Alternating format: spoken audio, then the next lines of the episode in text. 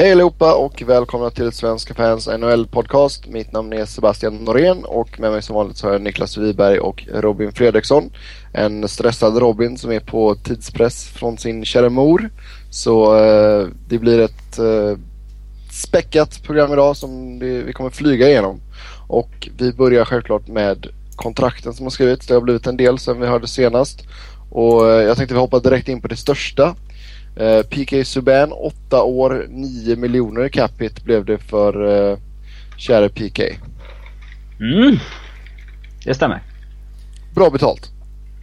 Ja, det kan man säga. Men det är väl lite... Det är väl första backen, eh, alltså första elitbacken som ses som en etta liksom som, eh, som signar under det nya CBA va? Eller? Kanske Tang också. Ja, det beror på hur man rankar han ju. Ja, men han har ju jäkla mycket skadebekymmer och skit. Uh, men, ja, det är väl, han sätter väl precis som Taves och Kane satte normen för uh, franchise-spelare så kommer PK Subban sätta normen för uh, ja, de 10-15 backarna som ses som number one defenseman i ligan. Och uh, Sen kan man ju säga vad man vill om huruvida PG Subban är det eller inte men majoriteten av hockeyvärlden ser väl i alla fall PG Subban som en nummer ett defenseman i, i, i dagens hockeyvärld. Eh, och det, det, får man väl hålla med om. Han är ju en back som gör sina... Han kommer att göra sina 50-60 poäng under 82 matcher säsongen och han eh, blir ju mer och mer komplett i sitt spel för varje år som går och han är ju fortfarande bara 25 bast. Så att eh, det är en spektakulär spelare, no doubt. Och, eh, han är ju han har ju blivit en bättre, eh, vad säger man, alltså. Han är inte lika störd som han var förr. han har lite. Mm. Han, är, han är ju... Nu är han ju liksom... Alltså det är inte konstigt om han eh, blir liksom lagkapten och sånt där någon gång. Nej, jag förstår vad du menar. Det lät så... Ja. Han, är ingen, han, är inte, han är inte problem längre. Nej. Och jag tycker väl... Uh, alltså generellt tycker man väl egentligen att alla kontrakt numera är uh, lite, lite för dyrt. Men, men under den uh, premissen så är väl det här kontraktet rätt rimligt ändå får jag ändå säga. Mm. Men alltså ja, visst, han ja. drar in 1,2 mer per säsong än Webber i, när det gäller cap-hitten. Mm. Men han eh, har bara 13 högst lön i NHL. Eh, om vi snackar lön per år. Ja. Eh, och det är ju det är faktiskt ganska rimligt när han signar i 25-årsåldern nu. Ja, det tycker jag. Jag skulle väl personligen inte ha några problem att, att ha det här kontraktet på den här spelaren i mitt lag liksom. Nej. Eh, Men, jag är förvånad att han signar det här för han hade kunnat fått mer pengar. Alltså om han ja, signade, eller om han tog ett ett eller två års kontrakt i arbitration och förhandlade om två år när cap eller lönetaket är mot 80 mil kanske. Och han är pending UFA och är 27 bast. Då, då hade han kunnat dragit in en... Då skulle han kanske ja, rätt Ja. Då hade han nog garanterat gått över 10 mil i alla fall då, på åtta år. Mm, det var precis det jag skulle komma till också. Om ni var PKs agent så hade man väl nästan hellre pushat för ett tvåårskontrakt. Kanske. Kanske. Det beror på. Men, man, alltså, det, så... det, är ju svårt att tacka nej till ett jävligt välbetalt åttaårskontrakt liksom. Man vet ju aldrig vad som kommer hända på två år. Ja. Så det, det är en viss gambling där också. Och liksom han, han blir ändå... Han blir free agent när han är 33 bast nu och istället för när han blir 35 liksom. Ifall han hade kört två år Alltså när man blir 33, om han fortfarande ses som en... Alltså en elitback då, då kan han ju få ett sjuårskontrakt igen. Ja. Det har vi ju sett många spelare få liksom. Och, äh, alltså, han kommer ju dra in sina pengar oavsett. Eh, och det är ju ett, eh, ett rimligt kontrakt i dagens, eh, på dagens marknad. Och det är ju bara ja, acceptera att det är det här som gäller from now on. Eh, men eh, ja, man... Eh, jag tror Montreal och Mark Bergevin ångrar sig lite att de krigade så hårt för den här bridge-dealen för två år sedan. När ja. Subban ville ha fem år på fem miljoner blankt. Har honom på eh, Ryan McDonough-kontrakt nu, vore mumman för Canadiens. Mm. de behöver det ju verkligen också. Alltså Ja. cap-situationen. Det är klart att det är bättre att ha honom till 2022 än att ha honom som eh, alltså, UFA när han är 27. Eh, men ja, de hade nog behövt eh, det där snygga kontraktet nu. Så är det ju. De Mm. har, de har lite unga killar på uppgång som behöver uh, signas så småningom. Mm. Samtidigt Och- kommer ju lönetaket öka också. Frågan är, hade de gett Andrei Markov det där kontraktet om de visste att Subban skulle landa på ett sånt här? Jag skulle gjort det för jag tycker fortfarande att de behöver honom. Ja, de är dumma i huvudet om de inte trodde att Subban skulle ha något sånt här kontrakt. Så att, eh, Nej, alltså förhoppningen skulle ha varit som har pratat om att eh, ett, ett nytt ett eller tvåårskontrakt liksom. Eh, och, och skjuta problemet framför sig liksom. ja. Eh, vilket jag inte tycker vore ett bra upplägg för Montreal. Men jag tycker de, det borde hela tiden ha legat i deras intresse att säkra upp honom så, så långsiktigt som möjligt. Eh, och jag tycker det är eh, jag tycker det är riktigt dåligt att det tar så att man måste gå in i arbitration för att eller innan man, man kan få ett kontrakt liksom. Jag, jag gillar inte det upplägget överhuvudtaget mm, generellt sett. Eh, framförallt gillar jag det inte när man gör det på en eh, sån här stöttepelare i sitt lagbygge som man ändå är. För det är ett system som är uppbyggt för att skapa konflikt mellan klubb och spelare. Mm. Ja, PK kan i alla fall skratta gott hela vägen till banken. Uh, nu blir det tre, styck- tre stycken Toronto-spelare här. James Reimer, två år, 2,3 cap hit. Jake Gardiner, fem år, 4,05 cap hit. Och Daniel Winnick, ett år, 1,3 miljoner. Eh, är detta bra business av eh, Maple Leafs? Uh, ja, ja det tycker jag. Uh, vi kan börja med Reimer. Reimer är lite skitsamma. Alla visste att han skulle landa någonstans på två mil och att det är en sign and trade deal. Han kommer ju tradas när som helst. Eh, eller liksom en bit in på säsongen så fort någon har fått lite målsbekymmer.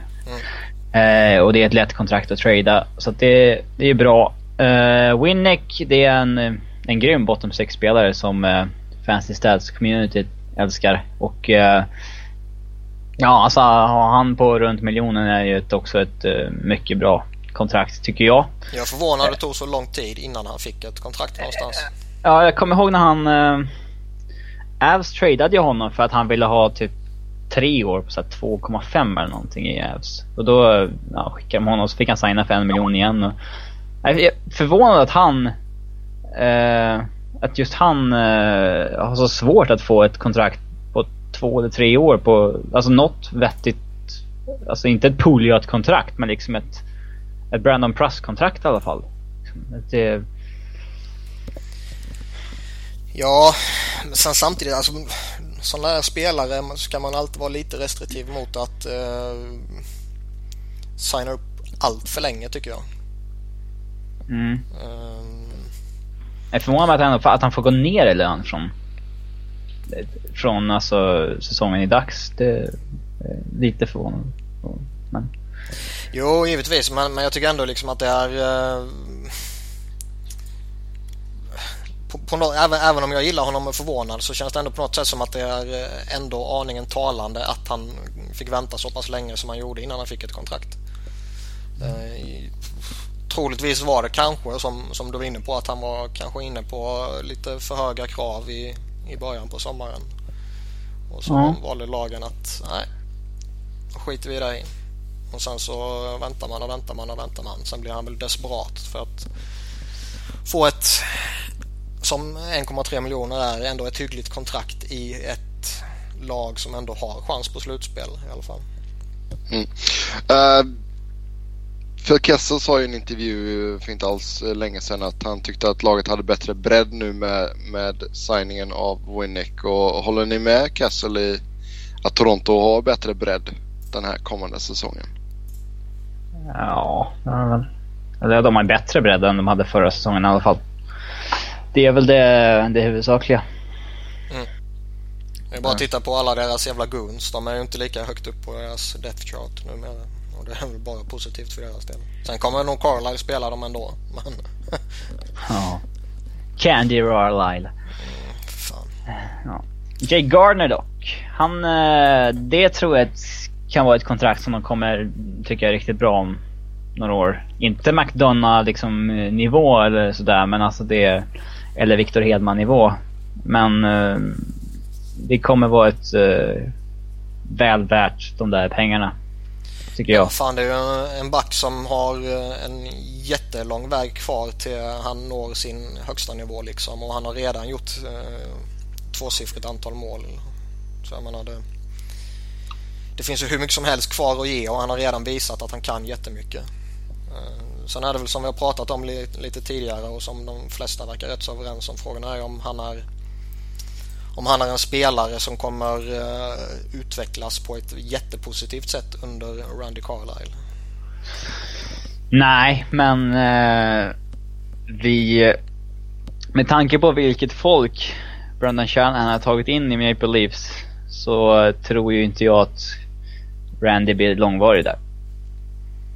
Alltså han har ju tagit in folk som eh, alltså är raka motsatsen till vad Carlisle står för och det... Han kommer ju offra så fort det går dåligt någon gång. Mm. Han kommer ju få ta skotten så att säga i bröstet så. Det borde ja. vara så men jag är väl inte lika övertygad som du va? Mm. Nej jag håller med Robin där. Jag var faktiskt förvånad att han fick vara kvar överhuvudtaget. Ja det var ju förvånande men nu när han är kvar så kommer han ju det är han som kom, de kommer ju skuldsätta honom eller skuldbelägga honom liksom så fort det går fel och så börjar de om på, på nytt. Liksom. Ja det är klart att han är liksom eh, på ett eh, kort koppel eller vad man ska säga. Eh, men vi får se vad som händer i Toronto där. Det är jak jakten på en ordentlig första center eh, kvarstår. Eh, Tyler Boza. Ja, nog. Uh, fan, Thomas har ju ja, okay. Robins, ja, vi fortsätter det här då. Ja, då har ju Robins uh, ja. kärleksobjekt på gång. Ja, det är i och för sig sant. William Nylander går in direkt som första center i Toronto. Mm. Mm. Ja, han är ingen center. Ja.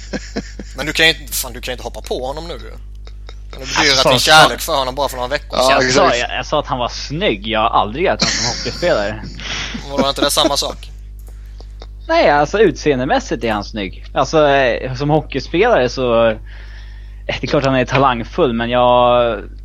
Jag har svårt för de här som spelar som juniorer på seniornivå när de kommer upp. Jag, jag har så mycket större fascination för spelare som kommer upp och spelar med en enorm mognad i 18-årsåldern än, än vad Nylander gör när han åker runt med sitt galler och tittar ner i isen och inte ser någon lagkamrat eller... Så, ja. Men han är söt i alla fall. Ja. Inte backa okay. nu. Okej. Okay. Då lämnar vi William Nylanders eh, snygghet och eh, går vidare till Detroit där Thomas Tatar kritar på för tre år och 2,75 miljoner capita blev det för Thomas.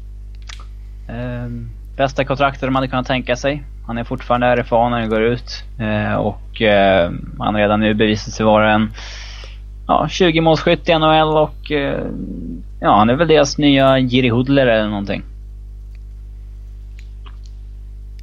det, kän, det känns ju som en rätt ultimat uh, spelare för Detroit att ha i sin uh, secondary scoring bakom de, de stora två namnen.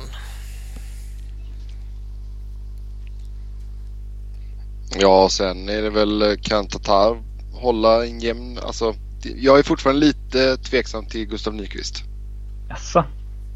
Mm, jag vet inte om han håller det. Alltså kommer han kunna hålla den standarden en hel säsong? Nej. Men han var ju, alltså... han var ju grym. Alltså, missuppfatta mig rätt här. Han var grym under de sista, vad det nu var, två, två månaderna.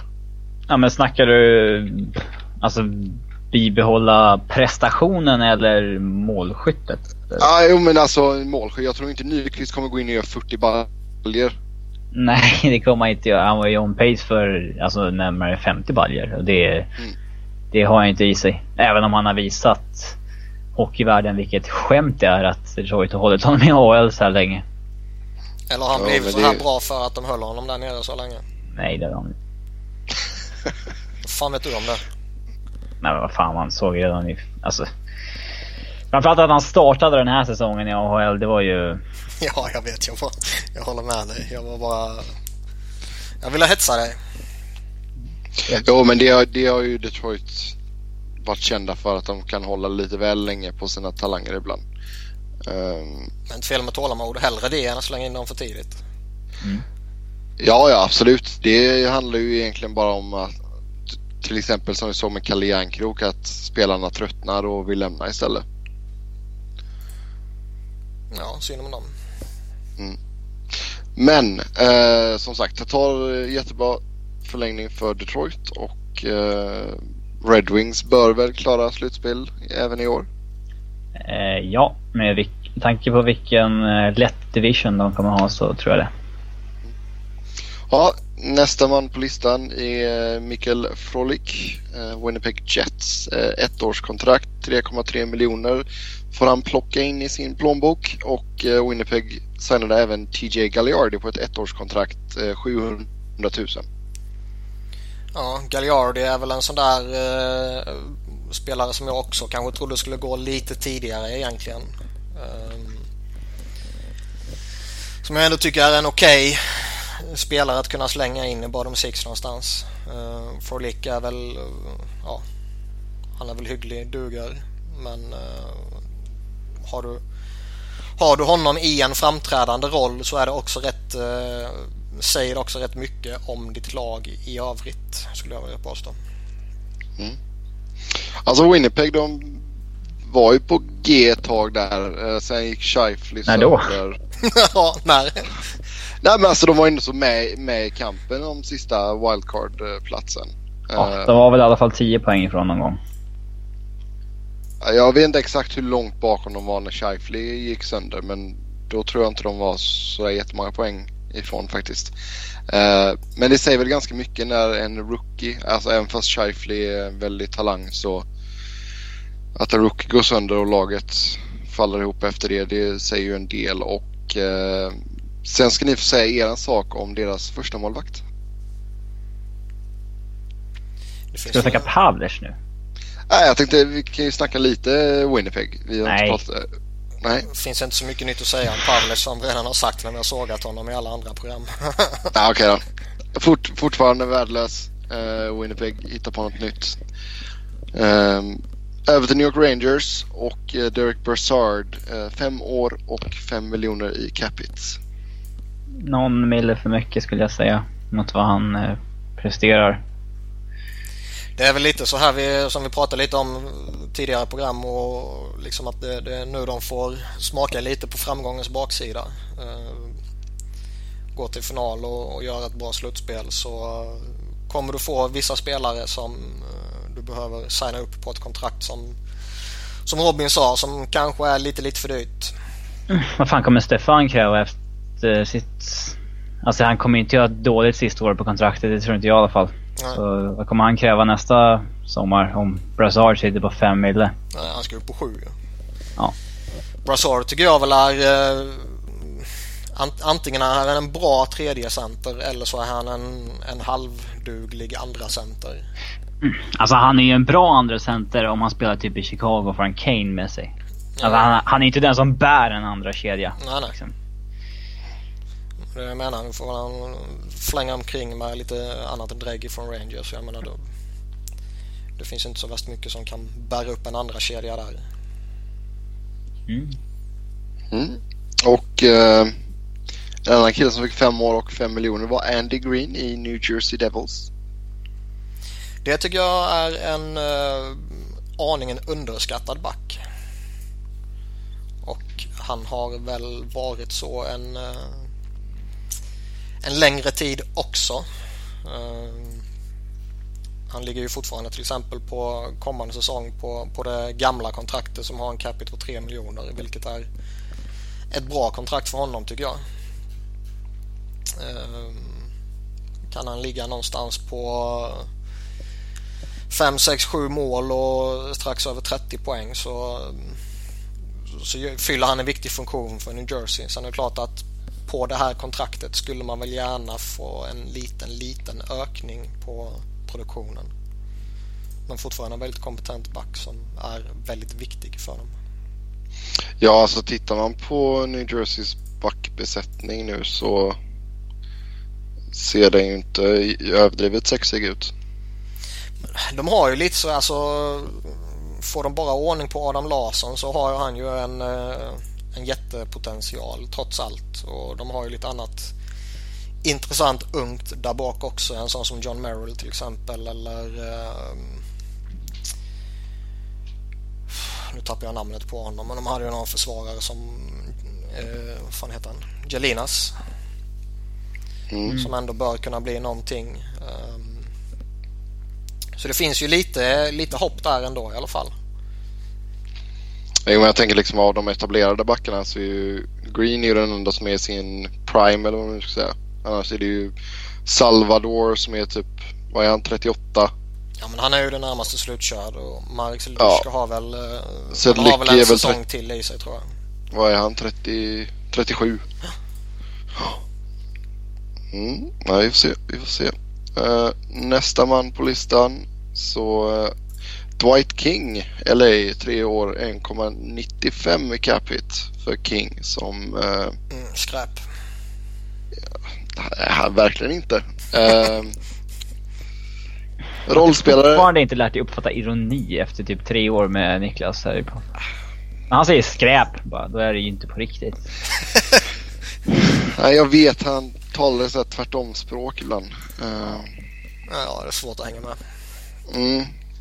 Nej, men King fyller väl en roll i LA. Uh, det är väl inte en spelare som många skulle bli ledsna ifall han försvann, men har varit med ett tag nu och ja, helt okej okay i en fjärde kedja.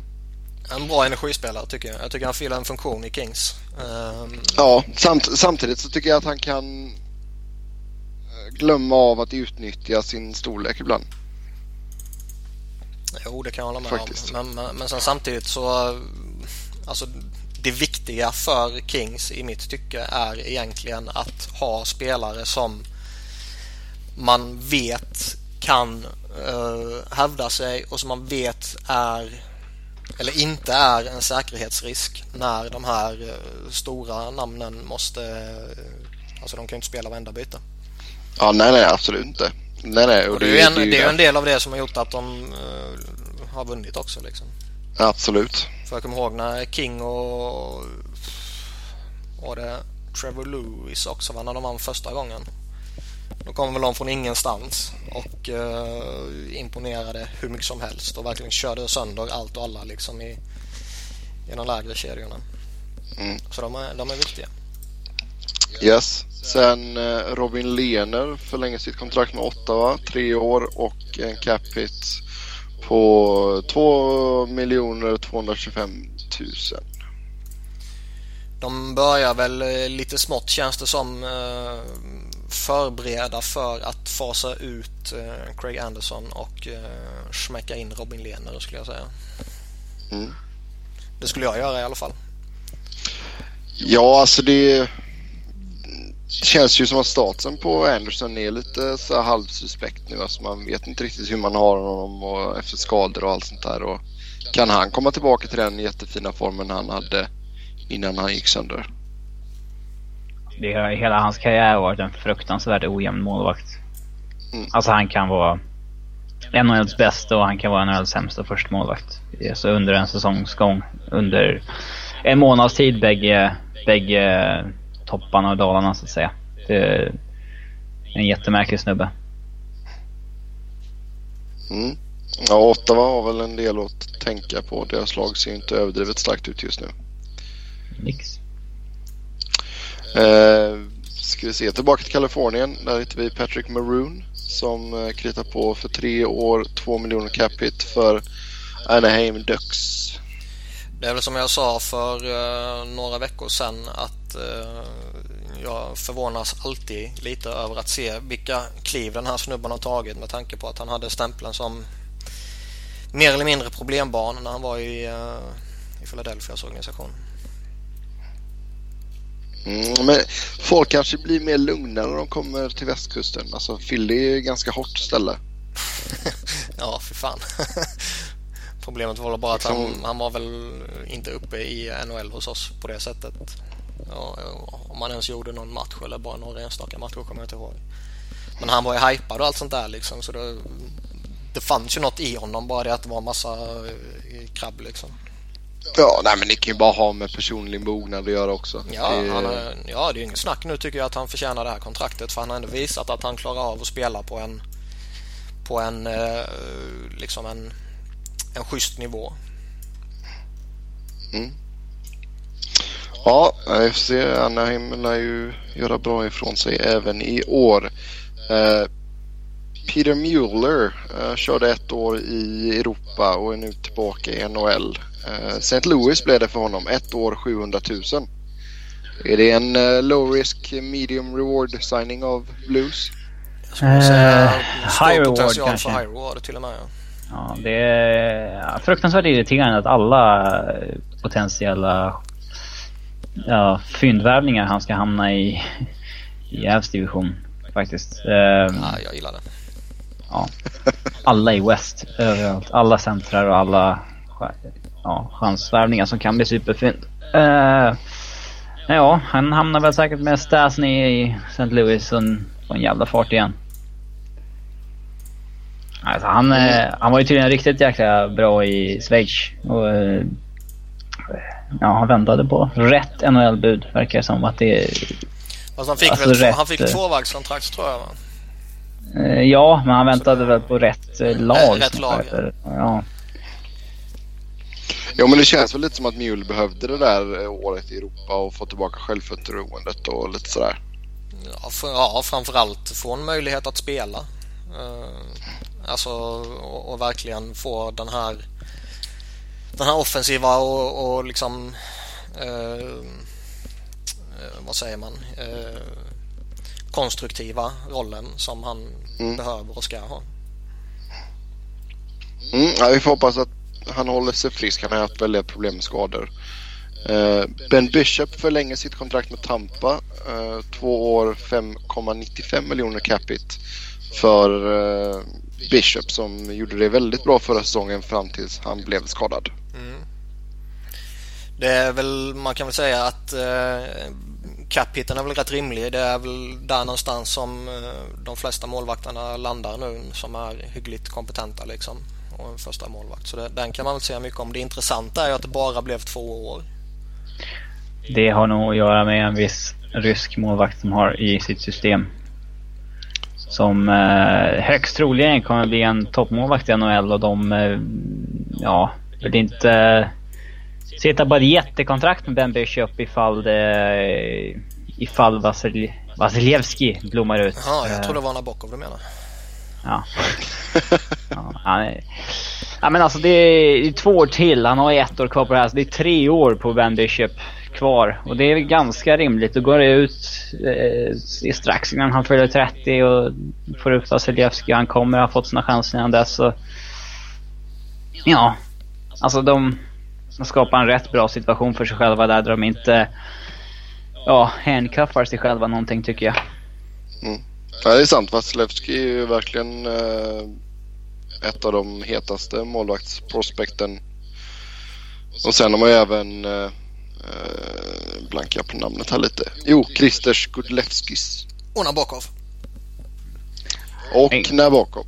Gudlevskis är ju ingen som eh, eh vars talang gör att nuvarande första makten bara får två år istället för åtta år. Och det, det, den, den har ju dock kanske Vasilevski i sig. Så att de... Jo, jo, men alltså jag menar att man kommer ha Vasilevski och Guslevski som eh, målvaktsduo och Vasilevski självklart etta. Ja, får vi se. Han kanske bara är här ett år eller någonting. Lättan, vi får se. Mm.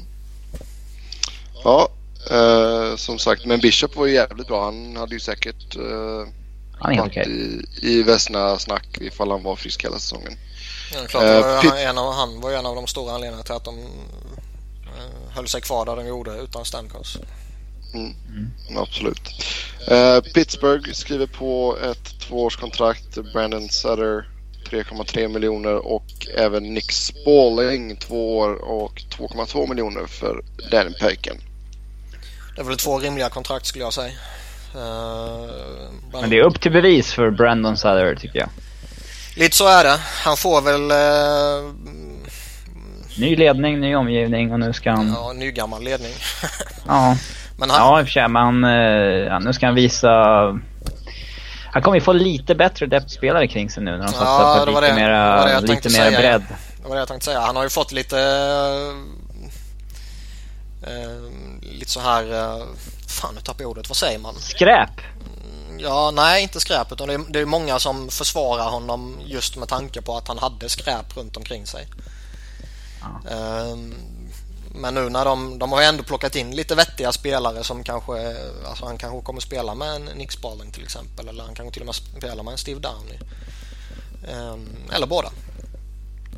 Och det är betydligt bättre än vad han hade runt omkring sig i stora delar av förra säsongen. Och I grunden är det ändå en, en spelare som är en gedigen tredje center tycker jag. Och så länge man spelar bakom Crosby Malkin så kommer man ändå få en, en hygglig, alltså hyggliga förutsättningar just i, i matchups liksom. Ja. Mm. Ja, vad tror ni mer Pittsburgh kommer hitta på då?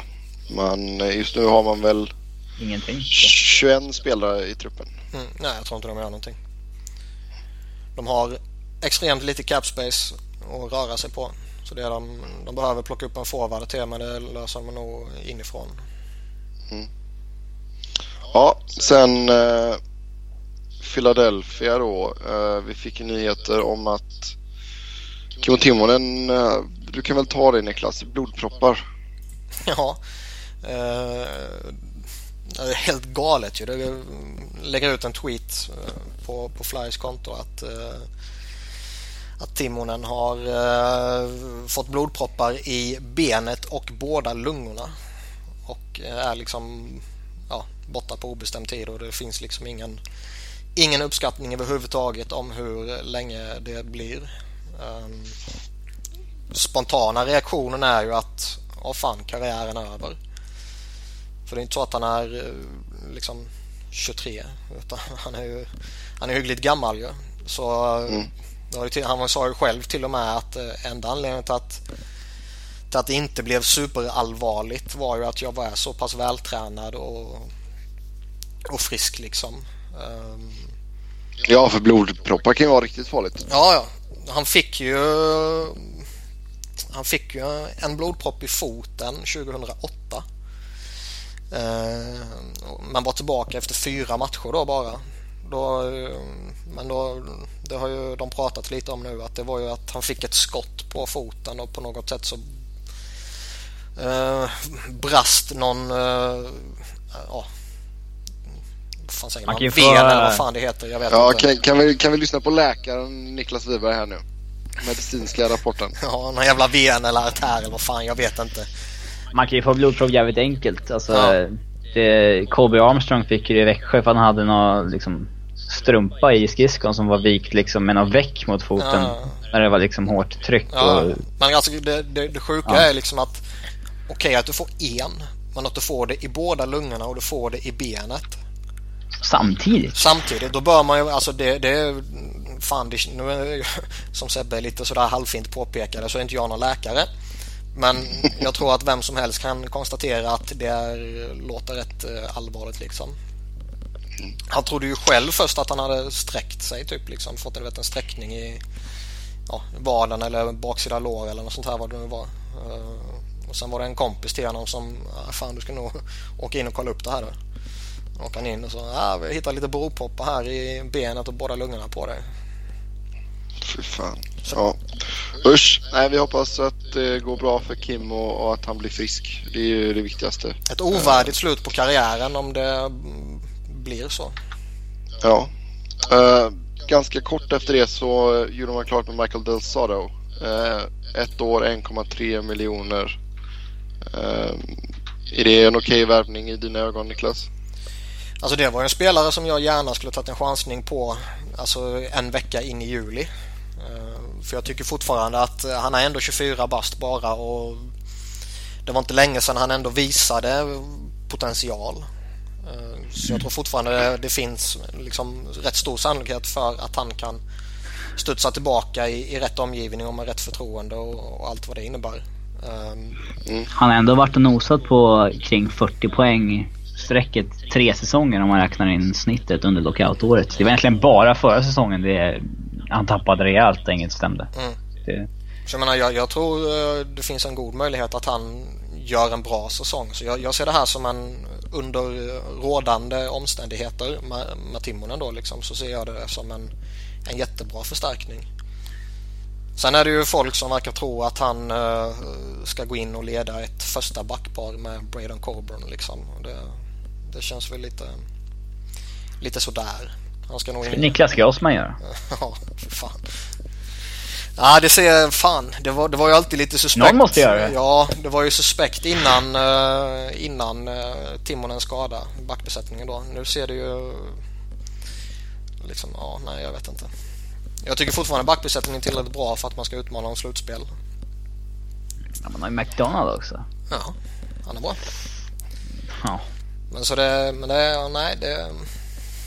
Jag, jag tycker det, alltså signa upp Del Söder med tanke på vad som hände är nog ändå bästa möjliga lösning som fanns. Alternativen var ju liksom en Derek Morris eller Sami Salo. Ja. Typ. Kan man hellre chansa på en med high upside? Ja. Ja. Sen kan man visst, man kan alltid trada för någon och offra draft picks eller prospects eller färdiga spelare men eh, som sagt jag chansar hellre på Del Söder. Mm. Och sen Ryan White ett år. Eh, ingen eh, uppgift på pengar där. Nej, jag har inte sett något där. 2,5 va? det är ju en... Eh, jag kommer säkert gilla honom så småningom när han har sänkt lite eh, andra så här hatobjekt. Eh, men det är ju en smutsig spelare.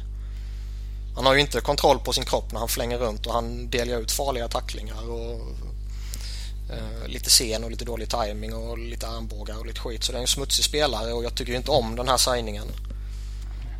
Det låter som man passar in i Flyers-molden när du beskriver honom. Jo, det är så. Alltså, förhoppningsvis så kommer han ju spela hela säsongen nere i AHL.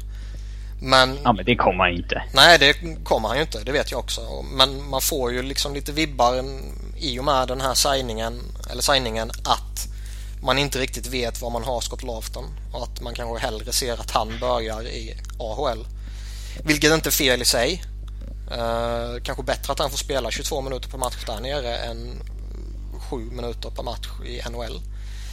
Men liksom att man signar upp nu eh, White för att eh, för att ha en veteran där. Och det är klart han är, han kan väl spela de här minuterna och han ligger strax över 50% i tekningsstatistik så det är väl inte total jävla galenskap. Men sen samtidigt så drömmer jag ju mardrömmar när jag tänker på att Craig Bruber mycket väl kan få för sig att sätta ut Rosehill, White och Rinaldo i en fjärde kedja samtidigt. Det låter väldigt brunkigt.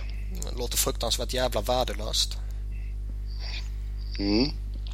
Ja, vi får se vad som händer där får se ifall Pittsburgh, eller vad säger jag, Pittsburgh, eh, Philadelphia-publiken har eh, tålamod också när det kommer till Del Sado. Eh, på tal om statistik så eh, lyssnar förslag. På tal om eh, statistik? Snackar ja, men statistik? alltså, ja, 50 procent i tekningscirkeln, det är väl en statistik, eller? Nu ska vi vara snälla mot Sebbe, han har ju trots allt ja, hundbiten. Nej, jag är inte hundbiten. Du ska ju operera uh, foten. Ja, fast det är inte för det. Uh, Jävla lögner. Vi, vi sa ju det redan förra avsnittet. Nu kommer han komma med en massa bortförklaringar här liksom. Typ, ja, ja. jag är förkyld. Man blir inte förkyld i öknen. Jo, man blir det. För du går från svinvarm till AC eh, 51 gånger om dagen. Nej, det där bara um, inte på. Det funkar inte på det sättet. ja, okay. i alla fall. Uh, vi går vidare till nästa ämne. Vi fick ett lyssnarförslag om uh, att snacka lite om advanced stats. Och eh, det är ju någonting som har blivit sjukt poppis här nu det senaste. Och eh, vi tänkte väl bara skrapa ytan på det lite nu idag och sen eh, köra ett eh, lite mer ingående avsnitt om advanced stats. Men eh, Niklas, du kan ju få dra eh, förklaringen av vad advanced stats egentligen är. Avancerad statistik. Eller, eller ska jag utveckla? Du ska utveckla, du ska inte bara översätta ja, utan du ska utveckla. Ja, fan. Nej men det är väl uh, utöver det här vanliga som finns på uh, alla spelarprofiler med, med liksom antal mål och plus minus och utvisningsminuter och allt sånt där så går man ju ett steg längre och man räknar lite short attempts till exempel där man räknar in alla mål, skott på mål, utanför mål, blockerade skott uh, som då går under namnet Corsi. Påhittat av målvaktstränaren Jim Corsi. Ja. Som för övrigt fick sparken av Buffalo i somras. Mm, så bra var han. Uh, det var han som drev Ryan Miller i skiten. Uh, sen räknar man ju lite Fenwick då som är samma sak exklusive de blockerade skotten. Sen är det lite zone starts, eh, offensiva defensiva tekningar, hur det kommer påverka en spelares prestationer, lite quality of competition, hur tufft motstånd man får. Ehm, jag vi är rätt glada för att göra jämförelser mellan individuella spelare och eh, övriga laget. Ehm, och lyfter gärna fram statistiken från situationer under en match som eh, bedöms som close. Det vill säga typ ett lika resultat eller ett måls ledning någonstans. Shooting percentage är ganska mycket snack om också. Mm. Eh, och eh, on ice save percentage är väl en... Det är inte lika uppe på ytan men det är rätt intressant att kolla på bland, bland backar och sånt där framförallt om man... Eh, ska, om någon har lite suspekt dåligt plus minus kan man ju kolla på deras on ice save percentage. För det är ju ja, vad målvakten haft för räddningsprocent när den backen är på isen helt enkelt. Och, eh, har målvakten haft typ 85 då så har ju den backen haft lite oflyt eh, kan man säga med att målvakten inte varit som bäst när han har varit på isen. Eller har backen varit eh, dålig? Och det, ja, satt målvakten i jobbiga situationer. Ja, ja. Så den, den kan man ju vända vidare på lite men eh, ja, vi får väl ha ett större avsnitt om det här senare med lite mer insatt folk ett avsnitt vikt åt fancy stats med eh, någon eller några nördar som är mer pålästa än vad mm. jag i alla fall. Så ska vi ställa frågorna som eh, ja, alla undrar. Vad gör Andrew McDonald till världens sämsta back enligt fancy stats community? Och vad gör Teddy Purcell till en gud? Och varför är Bisnasty ligans näst bästa spelare? Det påstår de ju inte. Ja, statistiken backar upp det. Ja, Nej men det är sant. Nej men det, alltså det är ju jävligt intressant och, och liksom grotta ner sig i lite sånt där. Mm. Kan ju för säga det är jättemånga mycket. klubbar som eh, har anställt folk för att jobba med det där just i sommar. Tagit in folk på ledande positioner som har uttryckt att de verkligen jobbar med de här medlen. Ja.